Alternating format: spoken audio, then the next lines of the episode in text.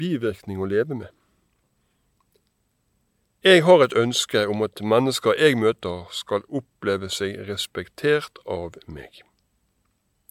Samtidig har jeg et håp om å selv bli respektert av mine omgivelser. Selve ordet respekt kan jo kanskje oppfattes på mange vis, og tidligere kunne det handle om å ha respekt for lærer, respekt for lensmann og prest og hvem det måtte være, et slags påbud om en respektfull og til tider litt sånn underdanig holdning overfor øvrighet og makt.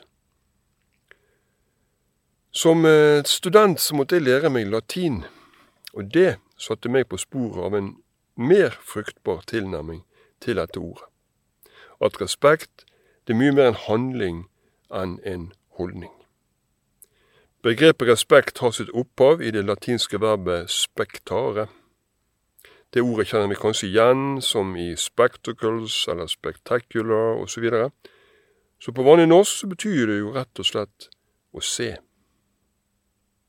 Respektare eller respektere, det får altså betydningen se en gang til. Og det tenker jeg kan være en nyttig bruksanvisning for meg når jeg ønsker at folk jeg møter skal oppleve seg respektert. At jeg ser etter en gang til. Ikke er så kjapp med å konkludere eller falle dommen. Tar en tenkepause. Finner en annen innfallsvinkel, stiller noen kontrollspørsmål, og kanskje særlig i møte med mennesker som jeg er uenig med.